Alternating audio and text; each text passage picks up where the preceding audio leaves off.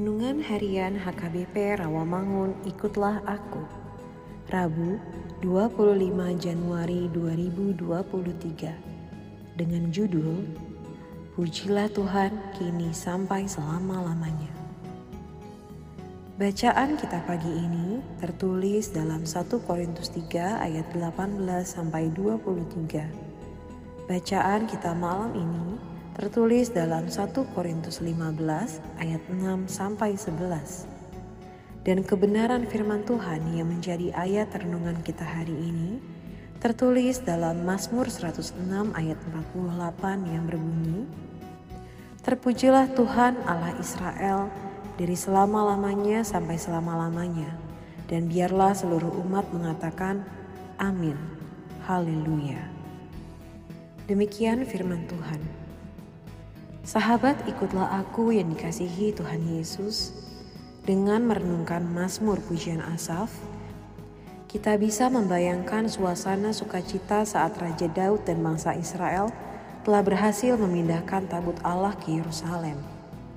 Sudah begitu lama tabut berada di tempat yang tidak semestinya. Kini tabut ada di Sion, kota Daud, ibu kota kerajaan Israel. Asaf mengajak umat untuk bersyukur bagi Tuhan, sebab Tuhan sudah mengikatkan perjanjian dengan Abraham, Ishak, Yakub menjadi perjanjian kekal. Berkaitan dengan perjanjian ini, Tuhan memberikan tanah milik pusaka dan kerajaan dan raja-raja, nabi-nabi yang melindungi umatnya. Selanjutnya Asaf mendorong segenap bumi bernyanyi bagi Tuhan dan juga menceritakan kemuliaan dan perbuatannya di antara bangsa-bangsa. Asaf juga mengajak bangsa-bangsa datang dan mengakui bahwa Tuhan itu Raja. Kemudian Asaf menutup dengan ajakan untuk bersyukur Tuhan itu baik kasih setianya selama-lamanya. Ia adalah Tuhan, Allah penyelamat umat. Mazmur puji-pujian ini sepatutnya menjadi nyanyian umat masa kini.